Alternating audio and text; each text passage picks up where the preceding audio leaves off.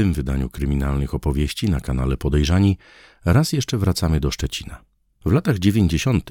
tamtejszy półświatek kontrolowała grupa Marka M, pseudonim Oczko, ściśle związana z grupą pruszkowską. Ostatnie lata to natomiast głęboki konflikt pomiędzy grupą, na której czele stać miały osoby dawniej związane z Markiem M, Marek D, pseudonim Duduś i Sylwester O, pseudonim Sylwek, a Młodą Gwardią, grupą kierowaną według prokuratury przez Mirosława B, pseudonim Dziobak oraz Rafała M, pseudonim Kulturysta Wel Kulti. Szczecin to trzecie pod względem powierzchni miasto w Polsce, liczące 398 tysięcy mieszkańców. Znajduje się zaledwie kilkanaście kilometrów od granicy z Niemcami. Do 1998 roku tamtejszym podziemiem przestępczym rządziła grupa Marka M, pseudonim Oczko, i Marka D, pseudonim Duduś. Należeli do niej też tacy gangsterzy jak Sylwester O, pseudonim Sylwek, Zbigniew T, pseudonim Pastor, czy Rafał H, pseudonim Czarny. To ten ostatni w 1997 roku zaczął zeznawać przeciwko swoim dawnym kompanom, doprowadzając do ich aresztowań. Miał to zrobić dlatego, że po jego zatrzymaniu mocodawcy zostawili go samego sobie. Nie mógł jeszcze skorzystać z instytucji dużego czy małego świadka koronnego, bo takie przepisy wówczas nie obowiązywały. Później Szczecin próbował opanować Dariusz Eś, pseudonim Rambo, zastrzelony jednak zaledwie kilka miesięcy po rozbiciu grupy Oczki.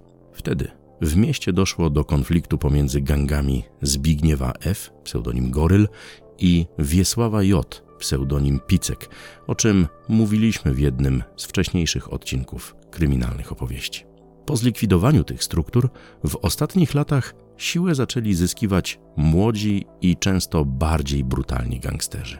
Stali się na tyle poważnymi graczami w Szczecinie, że bez wahania wypowiedzieli wojnę wychodzącym na wolność ludziom oczki, między innymi Dudusiowi, Sylwkowi czy Pastorowi, którzy chcieli odbudować swoje wpływy w półświadku. To ich konflikt spowodował, że jeszcze niedawno Szczecin praktycznie jako jedyne miasto w Polsce przypominał arenę gangsterskich starć rodem z lat 90. Jak informowała prokuratura, pod koniec 2012 roku w Szczecinie i okolicach działało kilka zorganizowanych grup przestępczych, których członkowie zrzeszeni byli wokół dawnych współpracowników Oczki, Marka D, pseudonim Duduś i Sylwestra O, pseudonim Sylwek z jednej strony i Mirosława B, pseudonim Dziobak z drugiej. Gangi miały zajmować się nielegalnym obrotem paliwami, środkami odurzającymi czy papierosami. Te ostatnie powoli stawały się najbardziej opłacalne i najmniej ryzykowne. W grudniu 2014 roku ponownie zatrzymano i aresztowano Marka M, pseudonim Oczko, i Marka D, pseudonim Duduś, do sprawy zabójstwa ochroniarza klubu nocnego El Chico w Poznaniu z 1995 roku. Był to moment, od którego coraz wyraźniej w mieście następowała zmiana układu sił. W kolejnych miesiącach i latach Szczecin dotknęła seria brutalnych ataków.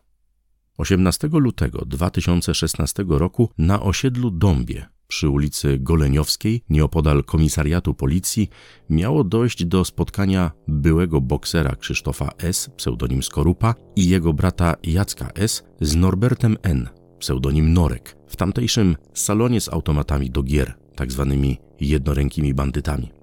Wcześniej Skorupa miał zadzwonić do Norka i zażądać od niego kilkunastu tysięcy złotych miesięcznie za ochronę punktu, co ten uznał za próbę wymuszenia haraczu. W lokalu doszło do awantury. Jeden z braci S miał uderzyć Norberta N, w wyniku czego temu ukruszył się ząb. Wtedy z samochodu w kominiarkach wybiegło kilku jego kolegów. Używając pałki pobili Krzysztofa i Jacka, a Michał W., pseudonim Tajbo, miał zadać skorupie cios maczetą w głowę. Podobno zrobił to, bo puściły mu nerwy, kiedy Krzysztof S. atakował go nożem. Krzysztof S., szukając pomocy, dotarł pod komisariat policji, zostawiając na jego murach ślady krwi. Zmarł w karetce pogotowia. Tymczasem kompanii odwieźli Michała W., pseudonim Tajbo, do szpitala przy ulicy Arkońskiej. Tam podobno zamienił się z nimi butami, by zmylić tropy. Zanim opuścił jednak szpital, został zatrzymany przez funkcjonariuszy Centralnego Biura Śledczego Policji.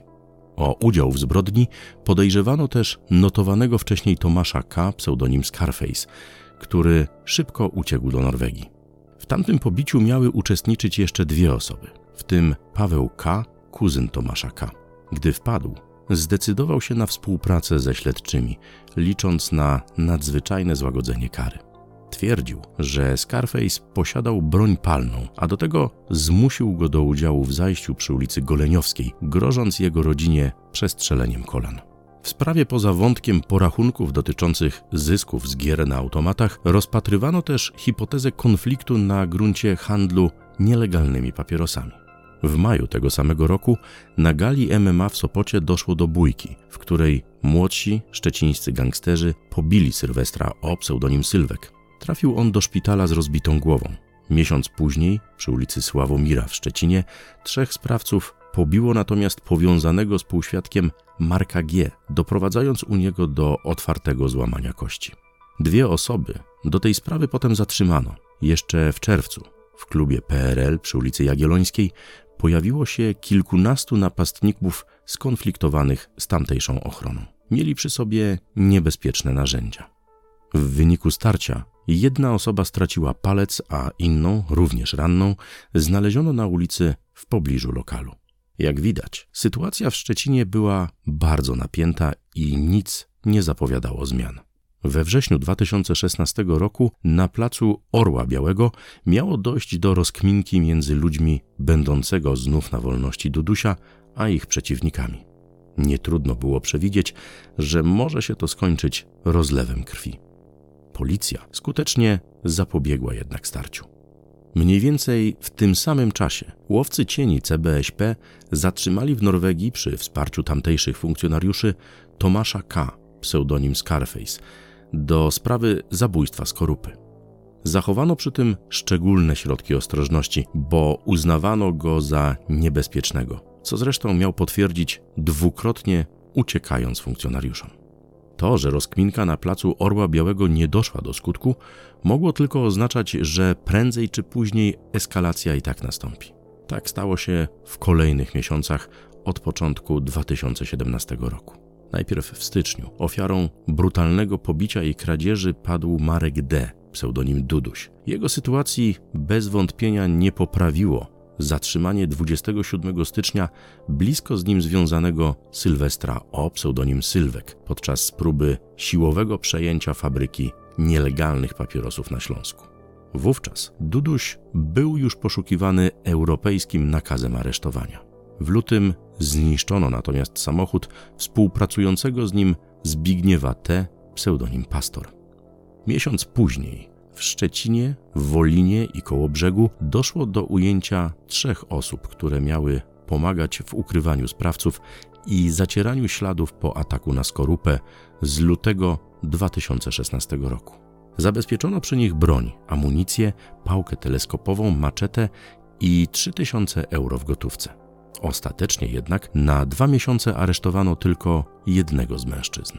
W lipcu 2017 roku prokuratura miała już komplet dowodów w sprawie tej zbrodni. Wcześniej, 20 marca, w centrum Szczecina przy ulicy Obrońców Stalingradu, dziś Edmunda Bałuki, pod galerią Kaskada, nieznany sprawca oblał stężonym kwasem siarkowym Mirosława B., pseudonim Dziobak. Wizerunek napastnika utrwaliły kamery monitoringu. Początkowo policja nie opublikowała jego rysopisu, ale potem prosiła o pomoc świadków, umieszczając w sieci nagrania. Podejrzanemu groziło do 12 lat pozbawienia wolności za usiłowanie zabójstwa. Jak można się domyślać, była to odpowiedź ludzi Dudusia za ataki na niego i pastora. Dziobak zdołał dotrzeć o własnych siłach do pobliskiej przychodni, gdzie stracił przytomność. Trafił do szpitala w Gryficach. Potem tłumaczył śledczym, że nie ma wrogów i nie wie, kto mógł go zaatakować. Taka zmowa milczenia w przypadku każdego zamachu z obu stron była praktycznie normą. I to nawet w sytuacji, gdy Mirosław B. miał na twarzy, ramionach i klatce piersiowej poparzenia drugiego i trzeciego stopnia, przez co prawdopodobnie wymagał operacji plastycznych. W kwietniu 2017 roku nastąpił kolejny rewanż. W barze przy ulicy Łukasińskiego kilka osób zaatakowało Zbigniewa T., pseudonim Pastor. Sprawcy użyli noży, siekiery i średniowiecznego kiścienia, trzonka z łańcuchem i ciężarkami, którym posługiwać się miał obywatel Ukrainy Petro M. Wszystko działo się na oczach osób postronnych. Tymczasem we wrześniu zakończono śledztwo w sprawie gangu papierosowego Dudusia i Sylwka. Oskarżono Sylwestra O oraz sześć innych osób. Marek D. wciąż się ukrywał. Zanim w listopadzie zatrzymano go w Niemczech, w październiku zlikwidowano jeszcze dwie fabryki papierosów pod Szczecinem i na Dolnym Śląsku. Zabezpieczono wtedy profesjonalny sprzęt 20 ton suszu tytoniowego, 7 ton krajanki tytoniowej i ponad 750 tysięcy gotowych papierosów. Wszystko to wyceniano na 2,5 miliona złotych. Szacowano też, że inwestycja w stworzenie takiej fabryki to koszt od pół miliona do miliona złotych. Zatrzymano 14 osób, w tym 7 obcokrajowców. 13 podejrzanych tymczasowo aresztowano. W czerwcu 2018 roku w odrębnym postępowaniu do sądu trafił kolejny akt oskarżenia dotyczący gangu tytoniowego. Obejmował on trzy osoby, w tym Sylwestra O, pseudonim Sylwek i Marka D, pseudonim Duduś. 10 lipca zatrzymano Mirosława B., pseudonim Dziobak, Rafała M., pseudonim Kulturysta Welkulti i kilka innych osób. Kulturysta to jeden z bardziej znanych zawodników MMA, walczących na galach KSW, który w kwietniu 2017 roku zawiesił karierę po ostatniej walce w maju 2016. Obaj wpadli w swoich domach. Prokurator przedstawił im zarzuty kierowania i udziału w zorganizowanej grupie przestępczej, rozbojów, wymuszeń rozbójniczych, pobić, prania brudnych pieniędzy oraz obrotu środkami odurzającymi. Do gangu miało należeć kilkanaście osób. Sam Kulti, jak twierdzili dziennikarze Gazety Wyborczej, rzekomo wywodził się z tak zwanego gangu sportowców, składającego się z zawodników sztuk walki zajmujących się przemytem narkotyków do Norwegii. W sierpniu wystawiono listy gończe za trzema osobami podejrzanymi o udział w gangu Dziobaka, w tym za Pawłem M., bratem kulturysty. W kolejnych miesiącach śledczy doprowadzili do jego zatrzymania. Już 1 stycznia 2019 roku Rafał M., pseudonim Kulti, Paweł M. i Dariusz Eś, pseudonim Enty, odzyskali wolność. Sąd odrzucił wnioski prokuratury o przedłużenie aresztów. Mogli wyjść z więzienia za poręczeniem majątkowym w wysokości 100 i 50 tysięcy złotych. W odpowiedzi śledczy złożyli zażalenie oraz wniosek o wstrzymanie wykonania tej decyzji przez sąd. Można przypuszczać, że zażalenie na tym etapie postępowania zostało uwzględnione, bo Enty wrócił do aktywności w mediach społecznościowych dopiero w maju 2021 roku. Poza małym epizodem w styczniu 2019, kiedy sąd nie zgodził się na przedłużenie aresztu. Kulti zaś zaczął pojawiać się publicznie niewiele wcześniej, bo w kwietniu 2021 roku. 23 stycznia natomiast zapadł wyrok w sprawie wydarzeń, które doprowadziły do śmierci byłego boksera Krzysztofa S., pseudonim Skorupa. Prokuratura żądała dla głównych oskarżonych Tomasza K., pseudonim Scarface i Michała W., pseudonim Tajbo, 25 lat pozbawienia wolności za zabójstwo popełnione z pobudek zasługujących na szczególne potępienie, to jest w ramach likwidacji konkurencji. Sąd był jednak innego zdania. Uznał, że Michał W. dopuścił się zabójstwa z zamiarem ewentualnym, a nie bezpośrednim, czyli że nie chciał zabić, ale powinien liczyć się z takim skutkiem.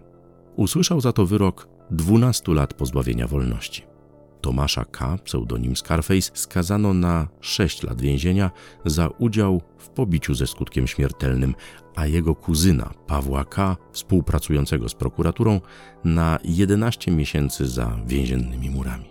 Uniewinniono natomiast Norberta N., pseudonim Norek, który w praktyce został pierwszy zaatakowany przez braci S i gdyby Skorupa żył, Norek mógłby nawet występować w sprawie jako pokrzywdzony. Kilka dni później prokuratura wystąpiła o uzasadnienie wyroku i zapowiedziała apelację. Potem, w październiku 2020 roku, sąd apelacyjny w Szczecinie utrzymał w mocy wyrok ze stycznia 2019 roku w sprawie śmierci Skorupy. Marzec przyniósł natomiast uderzenie CBŚP w inny szczeciński gang. Zatrzymano sześć osób, w tym podejrzanego o kierownictwo w grupie Norberta K., pseudonim Pitol. Podejrzani mieli w latach 2016-2017 skupować podrabiane papierosy znanych zachodnich marek z nielegalnych fabryk w Polsce i przemycać je do Norwegii oraz Szwecji, gdzie sprzedawano je następnie z dużym zyskiem. W grupie panował ścisły podział zadań. Ktoś inny skupował papierosy, kolejne osoby je magazynowały, następne przemycały, aby ostatnie w tym łańcuchu sprzedawały kontrabandę w Skandynawii. W całym procederze szefowie grupy mieli organizować finansowanie, logistykę, a nawet noclegi dla przemytników. Wszyscy zostali tymczasowo aresztowani. Podejrzanym groziło do 7 lat i 6 miesięcy pozbawienia wolności. 15 czerwca 2020 roku dobiegało końca śledztwo w sprawie gangu Dziobaka. Po kolejnych trzech dniach do Sądu Okręgowego w Szczecinie trafił akt oskarżenia. Dotyczył on m.in. Mirosława B., pseudonim Dziobak, Rafała M., pseudonim Kulturysta Welkulti, Dariusza Eś, pseudonim Enty, Petro M. oraz Roberta B., pseudonim Lipek. Przedstawiono im kilkanaście zarzutów, w tym utworzenia, kierowania i udziału w zorganizowanej grupie przestępczej oraz przestępstw z użyciem groźby bezprawnej lub przemocy. Rozbojów, wymuszeń rozbójniczych, pobić, wymuszeń zwrotu wierzytelności czy handlu środkami odurzającymi w postaci kokainy. Członkowie gangu mieli brutalnie walczyć z konkurencją, wykorzystując do tego niebezpieczne narzędzia, takie jak noże, maczety, pałki teleskopowe czy wspomniany średniowieczny kiścień. Oskarżonym groziło do 15 lat pozbawienia wolności. W marcu 2021 roku trener Rafała M., pseudonim Kulti ze szczecińskiego klubu MMA, w wywiadzie dla portalu MMAnews.pl powiedział, że kulturysta jest już na wolności i wraca do treningów. Dwa tygodnie później sam Rafał M. zamieścił w mediach społecznościowych, gdzie obserwuje go kilkadziesiąt tysięcy osób, wideo sugerujące, że zamierza znów walczyć w formule MMA. W ostatnich miesiącach regularnie publikował posty i udzielał wywiadów różnym portalom oraz kanałom sportowym. W jednym z takich wywiadów powiedział, że do dzisiaj nie wie, o co chodzi w tej sprawie i że wierzy w sprawiedliwość. Na nagraniu da się najprawdopodobniej zauważyć charakterystyczne kreski wytatuowane pod oczami, tak zwane mgiełki, oznaczające wtajemniczonego w grypserę. To wszystko na dziś. Do zobaczenia wkrótce. Czytał Maciej Marcinkowski.